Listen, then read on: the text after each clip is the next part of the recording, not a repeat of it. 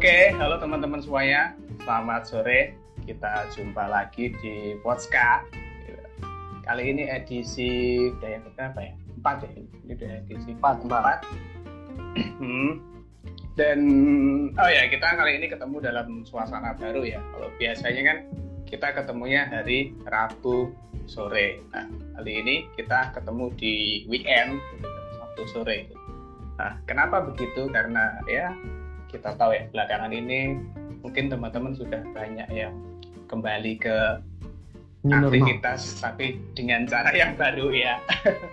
New normal dan Rabu itu tengah-tengah hari efektif ya. Jadi mungkin kalau Rabu 15.55 itu masih ada yang pulang kerja atau mungkin masih ada yang di kantor dan lain-lain. Jadi harapannya eh, ketika kita ganti di Sabtu em, teman-teman lebih slow gitu Oke, kita eh, langsung aja kita sapa dulu eh, untuk tamu kita hari ini, untuk kita tamu kita hari ini.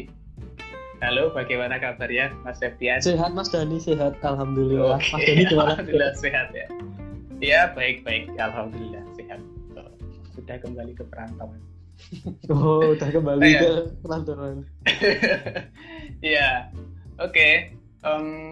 Hari ini teman-teman mungkin yang udah lihat di pamfletnya ya udah tahu ya kita mau bahas apa itu. Jadi kita akan eh, hari ini akan membahas tentang Ospia, gitu. menyelisik sejarah Ospia gitu. dari eh, Cokro sampai Sutarjo. Gitu.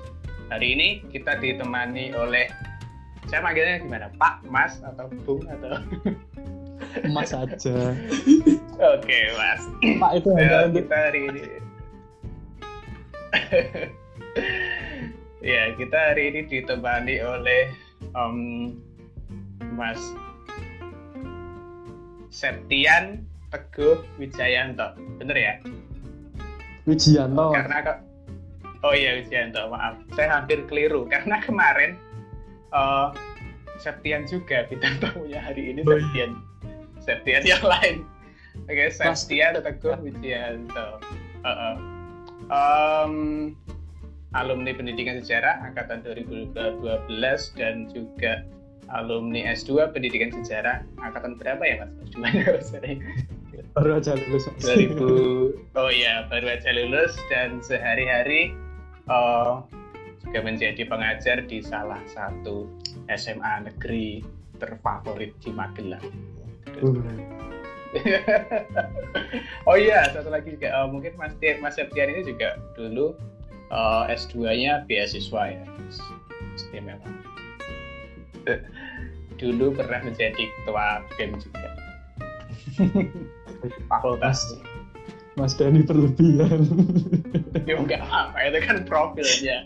Oke, Iya, iya, iya. eh, silakan Mas eh, Septian mungkin dari yang saya perkenalkan tadi mungkin mau ada tambahan atau mungkin mau menyapa teman-temannya dulu atau muridnya. Kayaknya banyak fans-fansnya Pak Tian. Iya, terima kasih Mas Dani. Selamat sore semuanya. Eh, semoga dalam keadaan sehat walafiat ya karena keadaan new normal tapi tetap kita harus saling menjaga kan gitu mas Dani mungkin itu aja sih mas siap. terima kasih sudah diajak Oke, buat ya. uh, podcast kali ini Oke oke. Oh ya kalau gitu kita langsung aja ke tema hari ini ya. Nah, em, belakangan ini hari-hari ini juga mungkin kalau teman-teman yang baru lulus SMA atau ya mungkin banyak juga yang lagi booming pada nyari atau mungkin mau udah proses ya pendaftaran di sekolah kedinasan. Nah, ternyata juga sampai sekarang sekolah kedinasan itu cukup menarik ya menurut banyak peminat gitu. Karena ya kita tahu eh, sekolahnya dibiayai oleh negara. Kak lulus udah uh karirnya udah jelas. Calon mantu idaman kayak istilahnya. Jangan tuh itu mas nah ini kemudian eh, sejak kapan sih itu terjadi? Dan ya apa hubungannya sama tema yang akan kita bahas hari ini gitu sama Ospia iya bener banget jadi mas Ya. Eh, kalau tadi Mas Dani mengatakan bahwa di apa ya masa-masa sekarang bahkan di tahun 2020 gitu ya uh, itu masih masih banyak banget uh, siswa-siswa yang kemudian pengen sekolah kedinasan dan lain sebagainya. Uh, ternyata itu tidak hanya terjadi masa kini kan. Ternyata karena uh, kalau misalnya kita lihat dari sudut pandang sejarah, ternyata sekolah kedinasan atau sekolah-sekolah yang berbau dengan uh, pemerintah, kemudian nanti karirnya sudah jelas dan lain sebagainya, itu ternyata sudah ada sejak zaman Hindia Belanda. Bahkan kalau misalnya kaitannya dengan uh, topik kita hari ini yaitu Ospia, uh, ternyata latar belakang dari lahirnya Ospia sendiri itu biasanya kan kita kalau membahas sejarah pendidikan kan awal mulanya dari uh, etis biasanya. Biasanya politik etis ketika politik etis, kemudian nanti ada sekolah-sekolah dan lain sebagainya. Nah, ternyata sekolah kedinasan yang satu ini yang akan kita bahas saat ini itu uh, sudah ada sebelum etis ada. Uh, sangat menarik gitu. Kalau misalnya kita membahas sejarah pendidikan atau sekolah-sekolah pada masa Hindia Belanda, itu kan mungkin orang-orang atau mungkin yang kuliah di sejarah kayak gitu mungkin hanya tahu sekolah sekolah-sekolah yang populer kayak misalnya Stovia, uh, ELS, uh, HBS dan lain sebagainya. Tapi jarang sekali orang-orang yang kemudian tahu bahwa ada satu sekolah yang sangat menarik di masa lalu jadi primadona bagi kaum priayi uh, yaitu Aspia ini kayak gitu. Ya memang gimana ya Mas? Sejak zaman dulu sampai sekarang ternyata uh, sekolah kedinasan itu tetap favorit karena masa depannya yang jelas, kemudian uh, gaji yang sudah iya. lihat, sebagainya. Gitu. Jadi Ospia itu sebuah singkatan dari Oplending School for Abtenaren. Ospia, Os Oplending School uh, for Abtenaren. Jadi sekolah menengah atas yang ditujukan untuk Abtenar. Abtenar, Abtenar itu kalau kita tahu kan eh, apa ya pangreh praja atau pegawai pemerintahan kayak gitu hmm. mas jadi sekolah calon hmm. pangreh atau pegawai pemerintahan nah kalau sekarang ini sebenarnya Ospia ini cikal bakal dari IPDN Institut eh, Pemerintahan oh. dalam Negeri jadi hmm. uh, salah satu cikal bakal dari salah satu apa instansi juga yang sekarang masih ada yaitu uh, apa Osvia ini kayak gitu. Nah, sebenarnya Osvia ini dulu-dulunya tadi saya katakan di awal hmm. bahwa sebelum tahun 1900-an sebelum ada politik etis ini uh, itu sejak eranya Van den Bos. Jadi ketika Van den Bos itu menjabat sebagai gubernur jenderal, nah itu butuh tenaga-tenaga dari Bumi Putra atau pribumi pada waktu itu yang bisa digaji hmm. murah uh, dengan pekerjaan-pekerjaan ringan gitu, yaitu dia mendirikan satu sekolah namanya Sekolah Raja atau yang dikenal dengan uh, Hoofden School. Nah, ini pertama kali justru malah di luar Jawa, yaitu di Tondano pada waktu itu. Nah, Sekolah Raja ini memang diprioritaskan Tondano, Tondano Sulawesi ya? Iya, iya, Sulawesi. Jadi, Sekolah Raja ini memang diperuntukkan untuk eh, anak-anak uh, raja, anak-anak priayi, anak-anak dari golongan bangsawan kayak gitu. Nah, kemudian ketika uh, memasuki era era 1900-an ketika ada politik etis, nah akhirnya uh, beberapa sekolah raja yang ada di Nusantara pada waktu itu kemudian dilebur dijadikan satu uh, berubah menjadi Ospia itu. Nah, hmm. kemudian setelah ini ketika mulai dari uh, apa namanya tahun 1900-an ketika politik etis ini lumayan besar uh, dibuka di beberapa cabang kayak misalnya ada di Bandung, ada di Magelang, ada di Probolinggo, kemudian nanti di era tahun 1910-an itu nanti mulai membuka cabang lagi Serang, di Blitar, uh, di Madiun kayak gitu. Jadi uh, memang kebutuhan akan sekolah ini nanti sangat sangat sangat apa ya ibarat kata menarik gitu buat uh, para orang tua yang pengen supaya anaknya itu tetap langgeng jadi bupati, jadi wedana, jadi kayak gitu. Uh, Tapi nanti di rata-rata uh, Di nanti akhir-akhir tahun 1926 itu karena banyak pemberontakan dan lain sebagainya. Akhirnya nanti Austria ini mulai disusut sama pemerintah Belanda. Dan nanti akhirnya justru yang terakhir ada itu dirubah menjadi Mospia itu ada di Magelang. Nah itu kebetulan saya menulis tentang Mospia itu uh, di Magelang. Yang sebelumnya saya banyak orang juga yang nggak tahu bahwa uh, justru malah malah uh, Mosvia ini adalah sekolah kedinasan itu terakhir. Dan akhirnya uh, lambat laun jadi cikal bakalnya IPDN itu mas. Oke oke.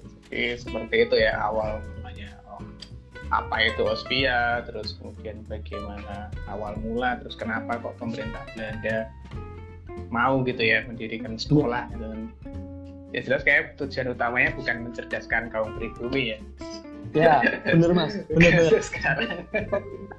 Belanda itu uh, kalau misalnya dilihat di arsip dan juga beberapa buku kayak misalnya S. Nasution tentang pendidikan atau bukunya Akira Nakazumi atau Hitler Sutherland kayak gitu ya.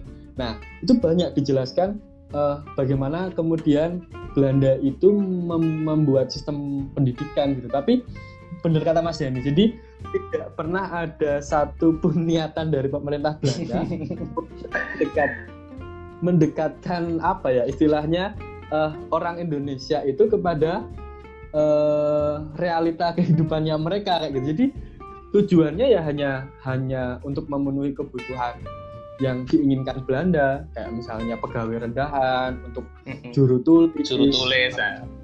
kebanyakan kebanyakan misal hanya hanya hanya seperti itu. Nah, ini nanti menarik Mas. Maksudnya ketika kita membahas mata pelajaran dan lain sebagainya itu akan mengarah ke tujuannya.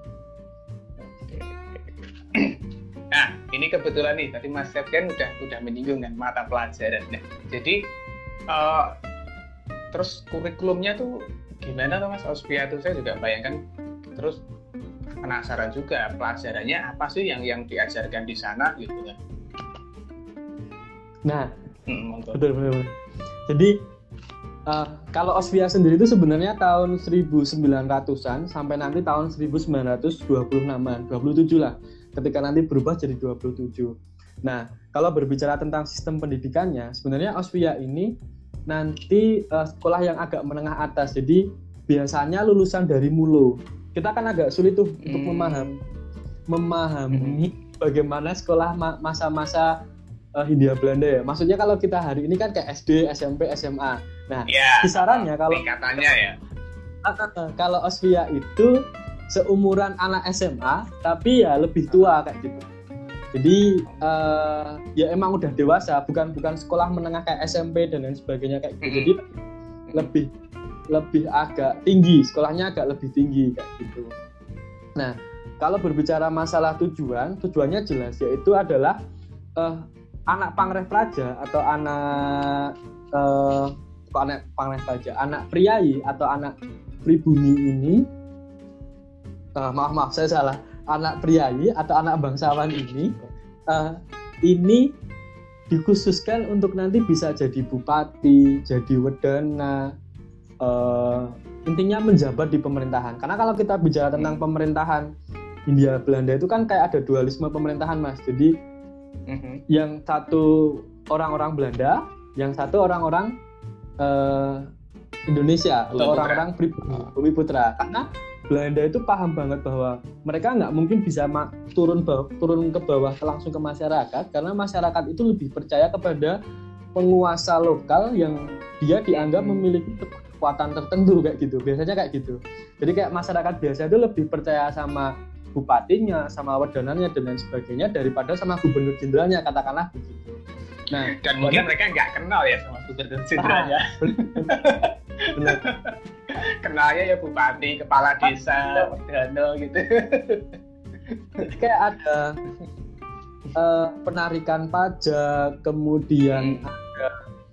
Uh, pengumpulan sembako dan lain sebagainya itu biasanya dikumpulkannya dari tingkat daerah-daerah gitu. Jarang banget orang Belanda kemudian turun langsung ke bawah kayak gitu. Nah, berbicara masalah uh, kurikulumnya dari beberapa mata pelajaran itu uh, agak unik gitu. Contohnya uh, mata pelajaran bahasa. Jadi di Austria ini diajarkan itu tiga bahasa. Yang pertama bahasa wow, Belanda. Ya bahasa Belanda karena bahasa Belanda ini uh, membantu orang-orang priai atau orang asli dari Indonesia itu untuk bisa berkomunikasi dengan orang Belanda atau atasannya nantinya. Nah, mm-hmm. kemudian ada uh, bahasa daerah. Nah, ini karena karena di beberapa beberapa tempat kayak misalnya di Sumatera juga ada, kemudian di Jawa juga ada, bahkan Jawa ada di Magelang, ada di Jawa Barat, Jawa Timur. Nah, itu bahasa-bahasa yang digunakan itu ada bahasa uh, Sunda, bahasa Jawa itu juga diajarkan.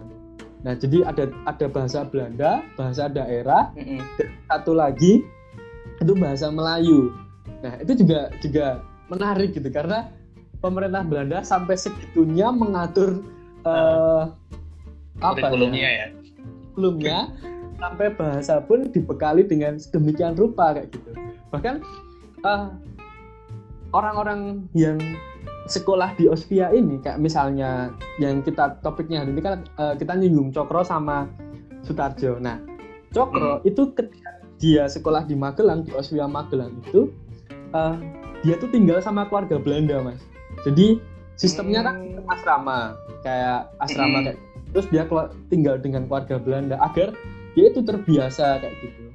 Nah ini juga nanti uh, menarik juga karena kenapa nanti Cokro bisa sedemikian rupa pas masa-masa pergerakan nasional bisa banyak bekerja sama? Karena ternyata interaksi dia dengan orang-orang Belanda itu sudah terjadi sejak dia bersekolah kayak gitu. Uh -uh. gitu.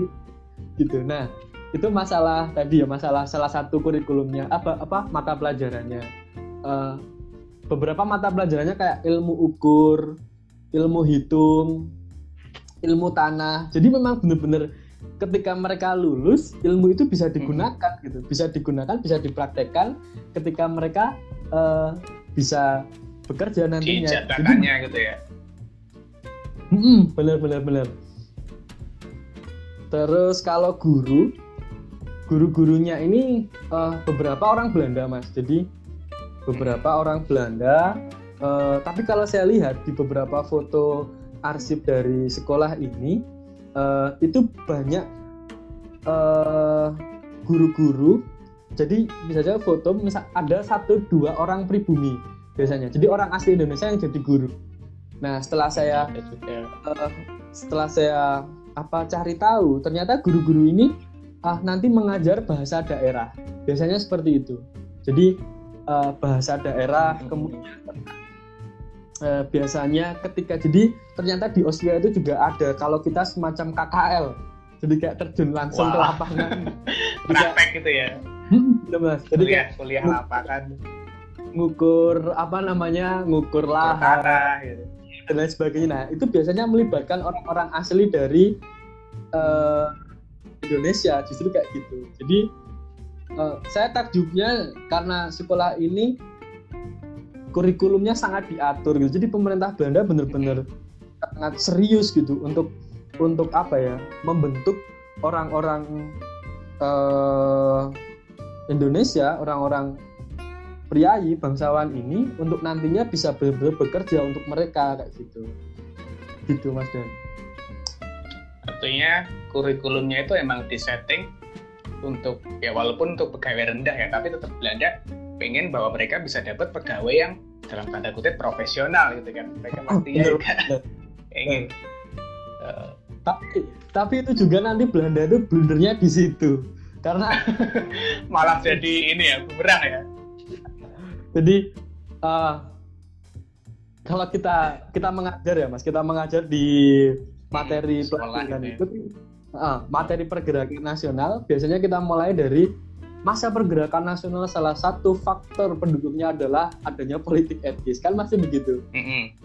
dengan adanya pergerakan nasional sebab musababnya karena uh, diterapkannya politik etis melahirkan kaum terdidik dan lain sebagainya kan mesti kayak gitu oh. nah ini yeah. juga salah satu sekolah yang uh, sayangnya kalau di masa pergerakan nasional itu yang lebih terkenal itu biasanya uh, Stovia gitu ya. Bahkan Hans Kuhl itu uh, menulis buku secara khusus judulnya Merawat Bangsa Sejarah uh, Pergerakan Dokter Indonesia secara khusus mm -hmm. membahas uh, para priayi dari uh, Stovia ini Stovia padahal, sekolah dokter pribumi itu ya ya ya benar mas jadi padahal Osvia sendiri juga banyak dari lulusannya yang kemudian nanti aktif di masa-masa pergerakan nasional banyak yang terlibat dalam uh, Budi Utomo terlihat dalam Syarikat Islam bahkan nanti Cokro Ahminoto jadi salah satu uh, orang yang uh, istilahnya di syarikat Islam itu membawa masa-masa keemasan kayak gitu di dalam yeah. syarikat Islam. Oke, jadi memang apa ya? Kemudian ya luar biasa ya dampaknya jadi Rosbia ini. Nah, tadi kan juga di Mas Mas Yatian sempat menyinggung tentang uh, lulusannya ya. Nah, jadi lulusannya itu kemudian ke mana sih kebanyakan lulusan lulusan lulusan ospia itu baik yang yang sesuai dengan yang diingin pemerintah maupun yang tidak gitu. Iya, kalau kalau kita menyinggung dua tokoh yang kemudian kita ingin sedikit apa ya kulik gitu ya mas. Uh, uh. Cokro dan juga Sutarjo. Sebenarnya Cokro itu mm -hmm. mewakili generasi Ospia pada awal-awal Ospia berdiri. Jadi dia sekolah kan masih angkatan tahun, awal ya masih angkatan awal jadi nanti Sutarjo ini uh, bisa dikatakan mewakili masa-masa uh, dari Ospia ini semakin berkembang semakin besar kayak gitu jadi sebenarnya dalam dua deka dua dekade yang agak berbeda uh, dalam sekolah ini nah kalau kita lihat latar belakangnya keduanya mereka sama-sama anak priayi uh, Cokro berasal dari uh, Jawa Timur, kemudian Sutarjo berasal dari Jawa Barat. Mereka sama-sama anak dari bupati. Uh, kemudian nanti mereka disekolahkan di Ospia. Uh, ketika mereka bersekolah di Ospia, ternyata mereka juga nanti, uh, terutama kalau uh, Sutarjo, terutama kalau Sutarjo itu nanti dia udah masuk di uh, ini apa namanya Budi Utomo cabang Magelang tapi kalau Cokro hmm. setahu selama dia bersekolah di Austria, uh, dia tidak tidak terlibat langsung eh, organisasi-organisasi uh, pada waktu itu kayak gitu. Nah, hmm. dua kesamaan menarik adalah Cokro dan juga Sutarjo ketika dia mereka nantinya lulus, mereka sama-sama jadi juru tulis. Nah, ini salah satu pekerjaan yang nantinya cukup uh, apa ya saya juga kurang kurang bisa membayangkan uh, juru tulis itu nanti pekerjaannya apa gitu maksudnya uh, apakah jadi sekretaris atau apa? Atau gimana? Cuma, istilahnya asing ya. Sekarang udah nggak yeah. ada ya istilah. Kamu kerjanya apa? Juru tulis itu kan kayaknya iya apa seperti sekretaris sekretaris pemerintah apa gimana? Saya juga kurang tahu. Tapi yang sama-sama gitu mungkin. Ya kalau di tingkat tingkat desa cari gitu ya mas. Nah, sama-sama sama-sama ada kemiripan ketika Sutarjo itu jadi juru tulis di Rembang, kemudian Cokro itu jadi juru tulis di uh, Ngawi kayak gitu. Nah, itu juga uh, apa namanya?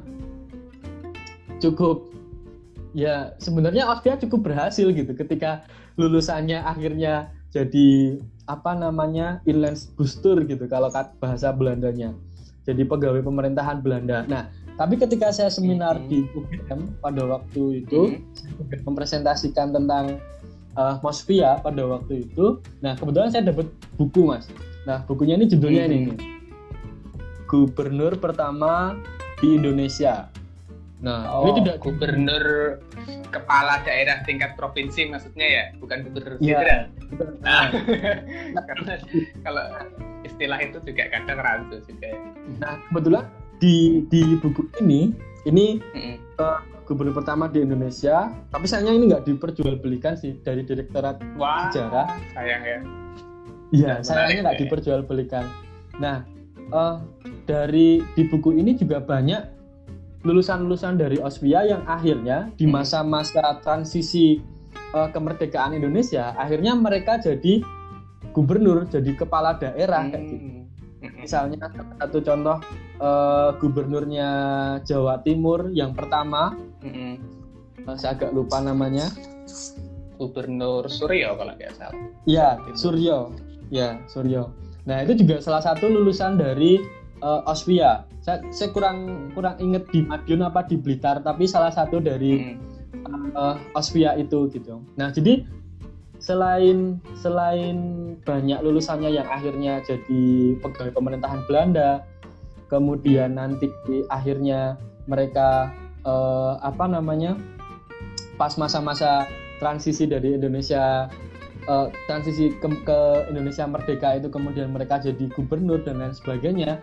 Nah, yang menarik buat saya adalah uh, bagaimana mungkin kurikulum yang sudah disusun sedemikian rupa, kemudian anak-anak bupati, kemudian uh, istilahnya doktrin dari pemerintah itu sudah sangat kuat sebenarnya di di orang-orang ini. Tapi kita ambil dua, dua contoh lulusan dari Ospia yang cukup terkenal yaitu Cokro dan Sutarjo. Akhirnya mereka justru malah bertentangan dengan pemerintah Belanda kayak gitu. Nah itu yang membuat saya menarik gitu. Uh, jadi di bukunya uh, Takashi Shiraishi ya, Takashi Shiraishi yang judulnya Zaman Bergerak. Rakyat di Jawa maupun di bukunya Hitler Sutherland yang terbentuknya sebuah elit birokrasi itu sebenarnya juga dijelaskan kenapa kemudian eh, eh, maksud saya saya pertama kali kemudian tersadar bahwa eh, lulusan dari Osvia itu ternyata banyak yang terlibat dalam pergerakan nasional. Ketika saya membaca dua buku ini gitu dan saya agak kenapa kok di sejarah kita yang banyak disinggung justru Stovianya kayak gitu. Nah, itu hmm. sampai hari ini saya masih bertanya-tanya apakah kemudian peran dari lulusan Stovia itu nanti lebih banyak atau gimana dan lain sebagainya. Saya juga saya juga masih masih mencari hal itu gitu. Karena uh, kalau misalnya kita lihat lulusannya itu juga banyak juga yang akhirnya mereka terlibat dalam Budi Utomo, masuk syarikat Islam dan lain sebagainya kayak gitu. Nah, uh, kayak Cokro kayak Cokro sendiri kalau dilihat dari perjalanan karirnya ketika dia sekolah di Osvia, kemudian dia meniti karir di jalur pemerintahan, justru pergolakan apa ya, perpindahan hatinya uh, untuk melawan pemerintah kolonial ya ketika lulus dari Osvia itu.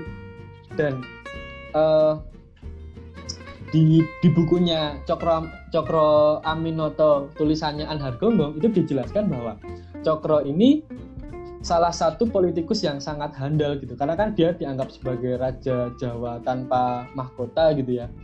Nah karena dia benar-benar politikus banget gitu. Karena dia memiliki bekal pendidikan yang sangat bagus sebelumnya. Dia berinteraksi dengan orang Belanda dia paham bagaimana sistem pemerintahannya gitu. Kalau kita lihat kan nggak nggak banyak kan yang tahu bahwa Cokro ini sebenarnya Uh, iya, kalau, saya juga baru tahu loh, Cokro itu lulusan Ospia. Saya kira pedagang atau apa gitu. Iya, karena uh, karena kan syarikat Islam sebelumnya syarikat dagang Islam kan. Saya kira pedagang atau pegawai buruh kereta api atau buruh pelabuhan loh. Ternyata lulusan juga. Ya. Iya. Uh, saya, saya korek, koreksi sedikit tentang Sutarjo. Sutarjo itu uh, dia bukan berasal dari Jawa Barat, tapi dia orang Blora yang akhirnya nanti dia jadi uh, gubernur di uh, Jawa Barat kayak gitu. Jadi hmm, jadi jabatnya di Jawa Barat ya. jadi tadi sedikit sedikit apa namanya koreksi gitu. Nah, uh, tadi masuk kepada apa namanya yang cokro cokro tadi ya mas bahwa uh -uh. iya jadi pada pada akhirnya memang kehidupan cokro itu cukup cukup sangat menarik gitu karena orang kalau misalnya kita belajar di kelas gitu ya belajar di kelas belajar sejarah Indonesia itu pasti cokro itu syarikat Islam kemudian dia uh-huh. dikenal radikal dan lain sebagainya gitu kan padahal kan uh, banyak juga maksudnya kalau kita belajar sejarah ternyata Cokro itu juga banyak kerjasama dengan orang-orang Belanda gitu karena secara tingkat pendidikannya kemudian dia bisa uh, menguasai uh, bahasa Belanda juga kemudian dia juga bisa turun ke masyarakat gitu jadi pendidikan di Austria ini memberikan banyak sekali uh, pengaruh gitu sebenarnya buat buat cokro kayak gitu. Nah itu juga yang yang membuat saya tertarik gitu. Uh, pada akhirnya ketika saya menulis tentang Mosbia, kemudian uh, kemarin uh, apa namanya penelitian saya selanjutnya itu saya membahas tentang cokro gitu. Bagaimana sih kemudian pergolakan cokro ini kayak gitu. Nah kalau kalau Sutarjo sendiri ini justru uh, ketika dia di Ospia justru malah dia udah terlibat masuk ke dalam Budi Utomo cabang Magelang kayak gitu. Sebenarnya banyak nama-nama dari Ospia ini yang uh, bergabung di uh, Budi Utomo kayak misalnya Raden Gunawan dan lain sebagainya. Sebenarnya ikut uh, Budi Utomo kayak gitu. Nah, uh, sulit untuk membayangkan orang anak pribumi, eh anak priai, kemudian dia sekolah di pemerintahan, tapi dia malah sekolah ikut Belanda, organisasi, ya? Or, malah ikut organisasi pergerakan nasional kayak gitu. Maksudnya dia dengan terang-terangan ikut Budi Utomo kayak gitu. Nah itu uh, cukup cukup menarik gitu. Apa yang sebenarnya membuat Soekarjo ini uh, pada akhirnya menginginkan bergabung ke dalam uh, sebuah organisasi pada waktu itu gitu mas. Oke, jadi apa ya ternyata kalau kita lihat dari kurikulum yang ya jelas Belanda nggak ada kurikulum nasionalisme Indonesia kan ya. Nggak ada nah, kalau kalian sekarang misalnya kayak pendidikan kalau sekarang kan mungkin ya ada semacam pendidikan Pancasila atau sejarah Indonesia. Ya, dulu di Austria ya saya kira pasti nggak ada ya. Tapi toh ternyata kok lulusannya kok bisa nasionalis. Nah, itu kan ya unik ya seperti itu. Iya karena pada masa-masa itu juga uh, yang ini mas apa namanya kritik dari ketika Belanda merayakan ulang tahun ke 100 kemudian ada kritik dari uh, Ki Hajar yang mm-hmm. judulnya uh, apa namanya kok saya lupa. Yang, yang ini. ande, ande aku, aku seorang Belanda. Ah aku seorang Belanda. Artinya mungkin pada waktu itu memang masanya ya. Jadi uh, karena banyak orang orang Indonesia juga yang kuliah uh, di luar negeri kemudian di era-era itu juga ada revolusi banyak revolusi besar di dunia kemudian banyak ideologi yang kemudian juga masuk ke Hindia Belanda uh, uh, tidak hanya pendidikan semata-mata di dalam kelas lah yang kemudian uh, membentuk mereka. Nah ini sebenarnya menariknya di situ, mas. Iya iya iya iya. Jadi ketika kita sekolah itu harusnya nggak hanya belajar di sekolah kayak gitu. Maksudnya nggak hanya belajar di ruang kelas kayak gitu. Karena kalau misalnya kita lihat tokoh tokoh-tokoh pergerakan nasional, ternyata mereka dididik Belanda loh. Mereka itu mm -hmm. orang hidup enak loh kayak gitu. Tapi kenapa kemudian mereka bisa berpikir untuk bangsa ini lebih nasionalis kayak gitu? Karena kan Ki Hajar akhirnya uh, apa namanya mengkritik keras beberapa kebijakan pemerintah Belanda tentang pendidikan pada waktu itu yang akhirnya dia mendirikan sekolah sendiri kan kayak gitu.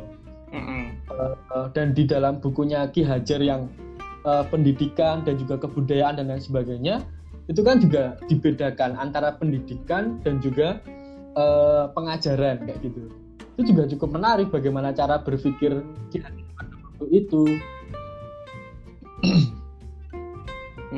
jadi kalau tadi poinnya oh, dari Mas Septian saya lihat bahwa oh ternyata yang mempengaruhi seseorang dan termasuk mungkin nanti jalan politiknya ya itu ya bukan bukan cuma apa yang dia dapat di sekolah yang disampaikan oleh gurunya ya. Mungkin setelah itu dia punya pengalaman hidup yang lain dan kayaknya juga yang menarik juga adalah para tokoh-tokoh ini mereka ketika lulus sekolah itu atau sekolahnya udah selesai berhenti mereka tidak berhenti untuk belajar gitu ya karena saya kira ideologi-ideologi kayak nasionalisme, sosialisme dan lain-lain itu pasti nggak diajarkan di Ospia ya. Saya nggak bisa bayangkan Ospia ngajarkan itu.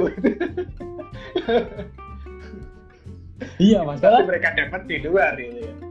Hmm, benar benar benar.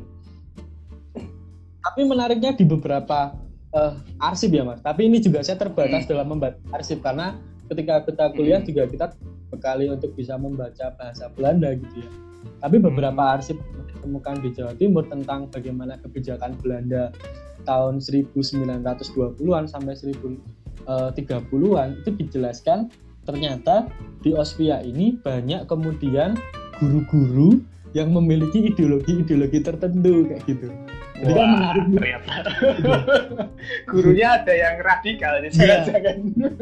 Guru-gurunya itu enggak juga apa namanya terpapar ya, ya, ya, uh, ternyata ideologi-ideologi dari luar kayak gitu. Nah, ya. jadi tidak heran pada akhirnya menarik, menarik. Ketika adanya politik etis, adanya sistem pendidikan di uh, Hindia Belanda, tapi guru-gurunya aja tuh uh, karena kan ketika mengajar di dalam kelas kan guru mesti berimprovisasi ya mas jadi kan mm -hmm. sudut pandang tentang sebuah uh, pergerakan nasional tentang sebuah penjajahan kolonialis dan lain sebagainya ternyata itu banyak banyak dipengaruhi sama guru-gurunya juga kayak gitu. Uh, saya yang yang yang punya yang punya tapi karena saya keterbatasan dalam meng mengartikan sebenarnya ada satu buku namanya bukunya itu gede gede book jadi kayak kayak buku umum uh, arsip mm-hmm. selama pelajar dan juga mata pelajarannya kayak gitu. Nah itu dijelaskan ada beberapa guru-guru yang kemudian uh, memiliki simpati terhadap perjuangan Indonesia dan ketika karena sistemnya pendidikannya itu adalah uh, apa namanya asrama dan siswa itu tinggal hmm. di asrama bersama beberapa gurunya jadi hmm. kayak di luar kelas itu sering ada obrolan-obrolan tentang uh, ya tentang bangsa ini begitu kayak misalnya salah satu contoh di filmnya Kartini misalnya. Itu kan ada scene di mana uh. Abdon itu jalan bareng sama Kartini berdua.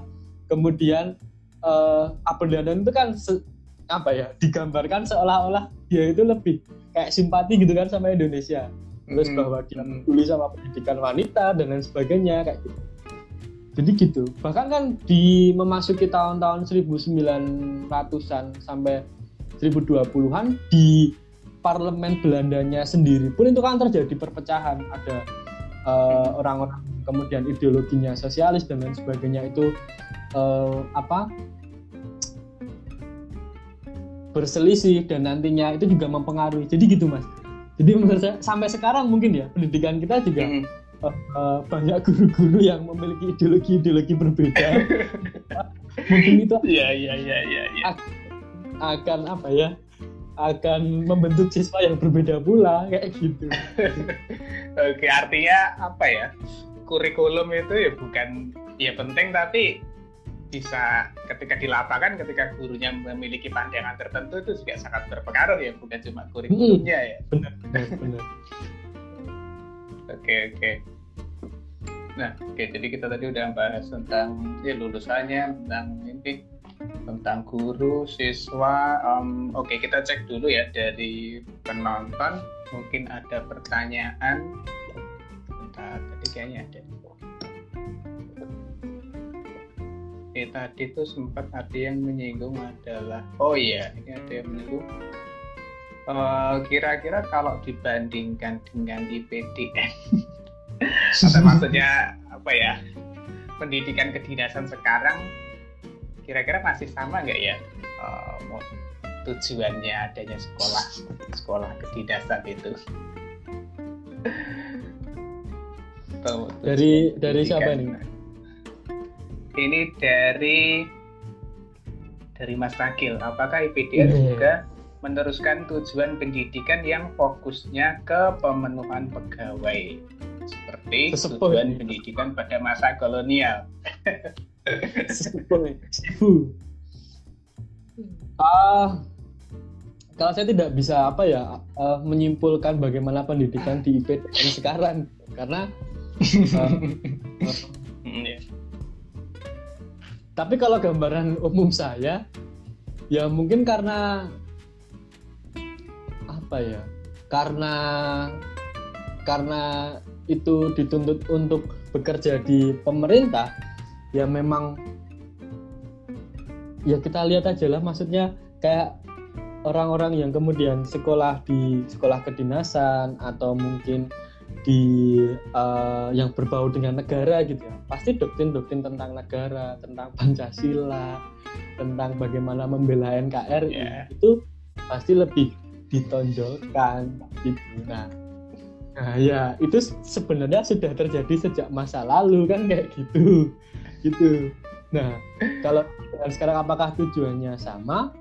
Ya mungkin dengan era era teknologi dan lain sebagainya sekarang sudah semakin canggih harusnya justru kita berpikirnya uh, harusnya sekolah-sekolah seperti ini jauh jauh lebih apa ya lebih disiapkan untuk Indonesia ke depannya. Kan harusnya seperti itu kayak misalnya tenaga pemerintahan yang lebih terampil tenaga pemerintahan yang lebih uh, apa ya menguasai medan dan lain sebagainya. Justru malah uh, Osvia ini saya melihat dari kacamata positifnya gitu ya bahwa sekolah ini disiapkan sangat sangat sangat bagus gitu. Sangat sangat luar biasa kayak gitu. Maksudnya salah satu contoh lah kayak kita sekolah di sekolah biasa aja ya sekolah kita di era yang sudah semuanya serba terbuka. ya? oh, harusnya kita bisa menguasai banyak bahasa pun. Ternyata sebagai warga Indonesia uh, saya lulusan Austria ya?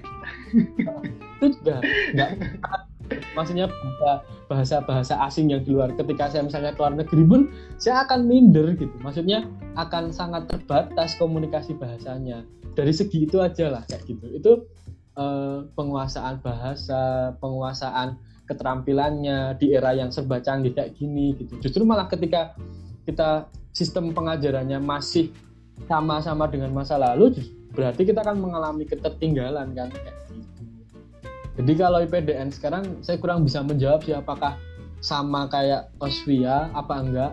Saya hmm. kurang paham. Tapi kok kalau nampak-nampaknya dilihat dari berbagai macam sekolah kedinasan itu pasti mengedepankan tadi itu yang saya sampaikan di awal. Iya iya iya. iya.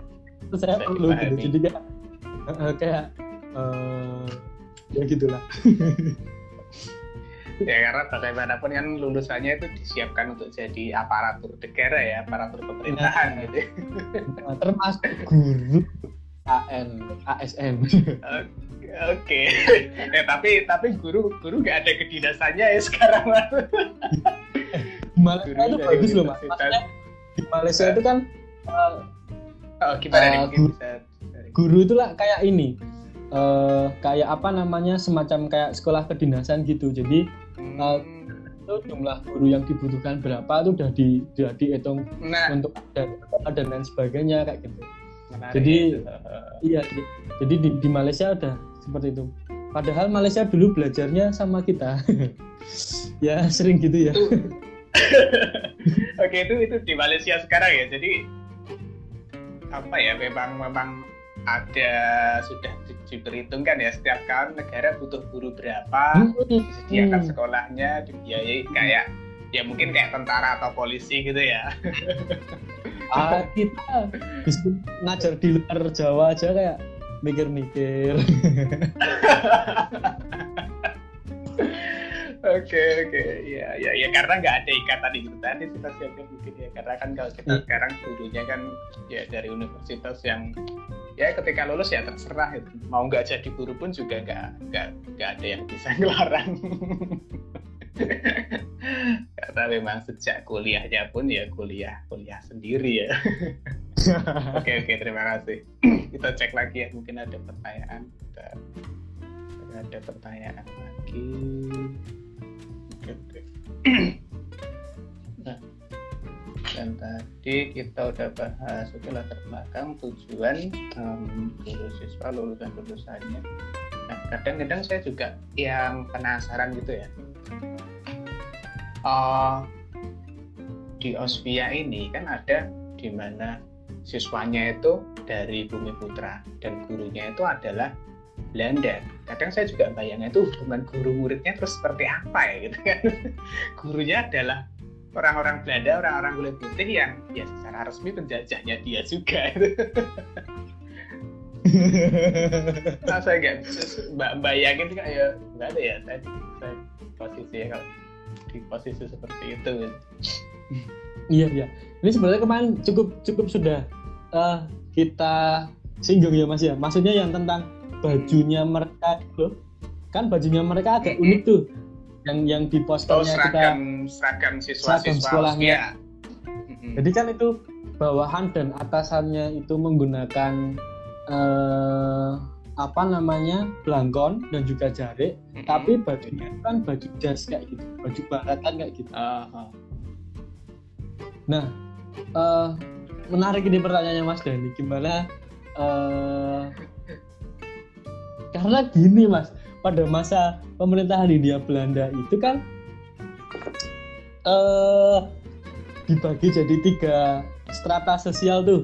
Ada Eh, apa namanya orang Eropa, ya orang Belanda itu, Timur Asing, kemudian eh pribumi atau bumi putra. Tapi sebenarnya pribumi putra Hmm. itu agak agak agak beda ya persepsinya. Eh, Orang Indonesia asli lah yang berada di di bawah kan. Nah justru masyarakat kita itu kan masyarakat yang apa ya? Ya, itu kan agak ini ya, agak rempong gitu ya. Jadi kayak banyak orang yang kemudian mbak status sosial mereka gitu kan. Padahal juga digolongkan berdasarkan apa kan agak agak membingungkan kan. Tapi pada masa masa Hindia Belanda itu orang-orang bangsawan dan juga priai itu berlomba-lomba untuk disamakan dengan orang Eropa, disamakan dengan eh, orang Eropa kayak gitu loh mas. Jadi ketika mereka diajar oleh orang Eropa itu ada rasa kebanggaan. Wong kita hari ini ketemu bule itu kita takjub loh. Iya enggak? Berarti itu si- mentalitas itu masih terbawa ya. Kita 75 tahun merdeka loh ini. kita kita kita di mana? Eh, di Borobudur. Maksudnya saya kan mager di Iya, Borobudur. iya, iya. lihat bule gitu ya. Itu takjub gitu bule gitu. Dan itu terjadi Masyarakat- gitu. ketika Jepang datang ke Indonesia itu kan kita menyambut dengan sukaria. Dengan Iya. menganggap bahwa mereka ah, kayak gitu. Kan seperti itu.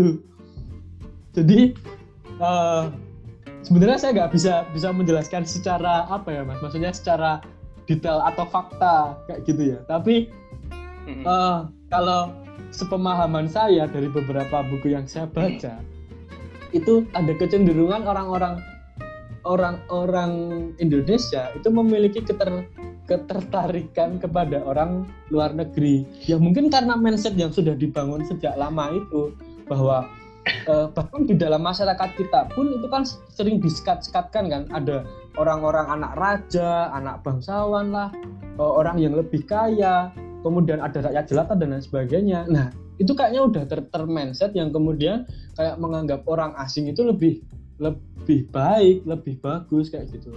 Padahal juga hmm, nggak nggak juga kan?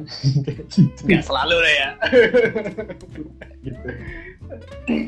Iya iya iya. tadi Mas Yufti ada apa ya? Gue cerita ketemu bule. Saya sendiri juga, saya sendiri juga nggak apa ya, ya ngalami gitu juga. Saya akui itu. Hmm. Saya akui saya ngalami gitu juga dan apalagi em, juga ketika ngajar karena kan saya juga entah bagaimana itu saya nggak pernah mengira ternyata mendapatkan kesempatan saya tuh ngajar anak-anak dalam tanda kutip ya gitu. Eh, ibunya Indonesia bapaknya Bule. Prancis bapaknya Belanda ya ya walaupun mereka ya sebenarnya udah Indo juga gitu. Udah blasteran bukan. Tapi ya tetap tetap oh tetap tetap ada eh, kadang-kadang ya juga. Rasa ketakjuban gitu iya. Nah, ini kebetulan Mas bilang apa namanya mental inlander gitu ya. Nah, itu sebenarnya inlander itu juga sebuah apa ya, sebuah ejekan kan dari dari pemerintah Belanda pada waktu itu yang anggap eh, orang-orang kita itu disebut dengan inlander kayak gitu. Inlander itu kan kalau dalam bahasanya eh apa namanya?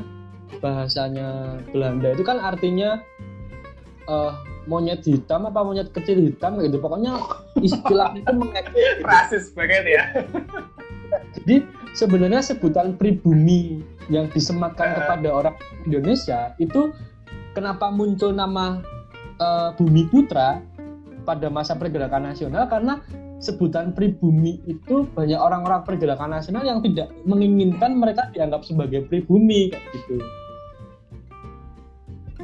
Jadi le- mereka lebih menggunakan lebih ingin menggunakan istilah bumi putra kayak gitu karena eh, ya dianggap lebih lebih memanusiakan manusia kayak gitu. Oke, nah ini kan juga waktunya udah udah mau habis nih. Jadi mungkin Mas Depkian bisa menyampaikan ya statement terakhir lah sebelum eh, ini kita akhiri gitu. Monggo silakan. Iya mas, jadi kita melihat dari sosok Cokro hingga Sutarjo dan juga beberapa lulusan Ospia ini ternyata eh, apa ya? Ospia ini salah satu sekolah yang sangat disiapkan sama pemerintah Belanda. Nah harusnya juga pemerintah Indonesia hari ini juga benar-benar menyiapkan pendidikan secara eh, serius kayak gitu. Nah kalau kita melihat dua sosok ini, artinya kan sebenarnya pendidikan nggak harus hanya ada di sekolah, nggak harus hanya ada di ruang-ruang kelas, ruang-ruang eh, belajar, melainkan sebenarnya pendidikan ya harusnya bisa dipelajari di mana aja kayak. Nah itu sih mas, jadi eh, apa yang bisa saya ambil dari ketika saya meriset tentang eh Ospia, Mosvia, Cokro, Sutarjo, dan beberapa tokoh pergerakan nasional dan juga beberapa literasinya. Nah, ternyata itu jadi pendidikan itu tidak akan pernah lepas eh, dengan lahirnya kaum-kaum terdidik dan munculnya orang-orang pembaharu sih kayak gitu. Jadi nggak salah kalau misalnya masa-masa pergerakan nasional nanti dimotori oleh orang-orang yang terdidik gitu. Nah, makanya harusnya kita sebagai generasi yang sekarang eh, harusnya berlomba-lomba untuk mencari ilmu sebaik-baiknya kayak gitu. Supaya nggak kalah sama eh, orang-orang di masa lalu kan kayak gitu. Biasanya kita kalau kuliah kan gitu kan apa hikmah dari sebuah peristiwa sejarah Masih ingat ya Mas Depkian saya kan? iya iya Iya. hal berkembut itu sangat ya sangat makanya sangat sangat sangat sangat luar biasa Oke, em, terima kasih Mas Septian eh, untuk Sama-sama, Mas. kebersamaannya di sore ini. Jadi kita ini udah di penghujung acara ya. Dan terima kasih juga teman-teman yang sudah bergabung. Ini kita- satu-satunya yang tepat waktu ini Yo, bukan tepat waktu ya kebetulan. Oke, eh, dan dan kita apa ya dari dari Senandika dari Posca kita akan usahakan setiap minggu akan ada gitu kan dan akan ada dan akan dengan hadir dengan tema-tema yang berbeda. Jadi teman-teman yang hari ini eh, bisa gabung nanti bisa gabung lagi. Teman-teman yang hari ini belum bisa nanti mungkin bisa diagendakan untuk eh, diagendakan untuk bergabung gitu karena ini pertama kita ganti jam tayang ya. Oke, eh, sekali lagi terima kasih semuanya, terima kasih teman-teman, terima kasih Mas Tetian. Sampai ketemu lagi di lain kesempatan dan oke selamat sore. Ini udah menghitung mundur. terima kasih banyak Oke oke siap.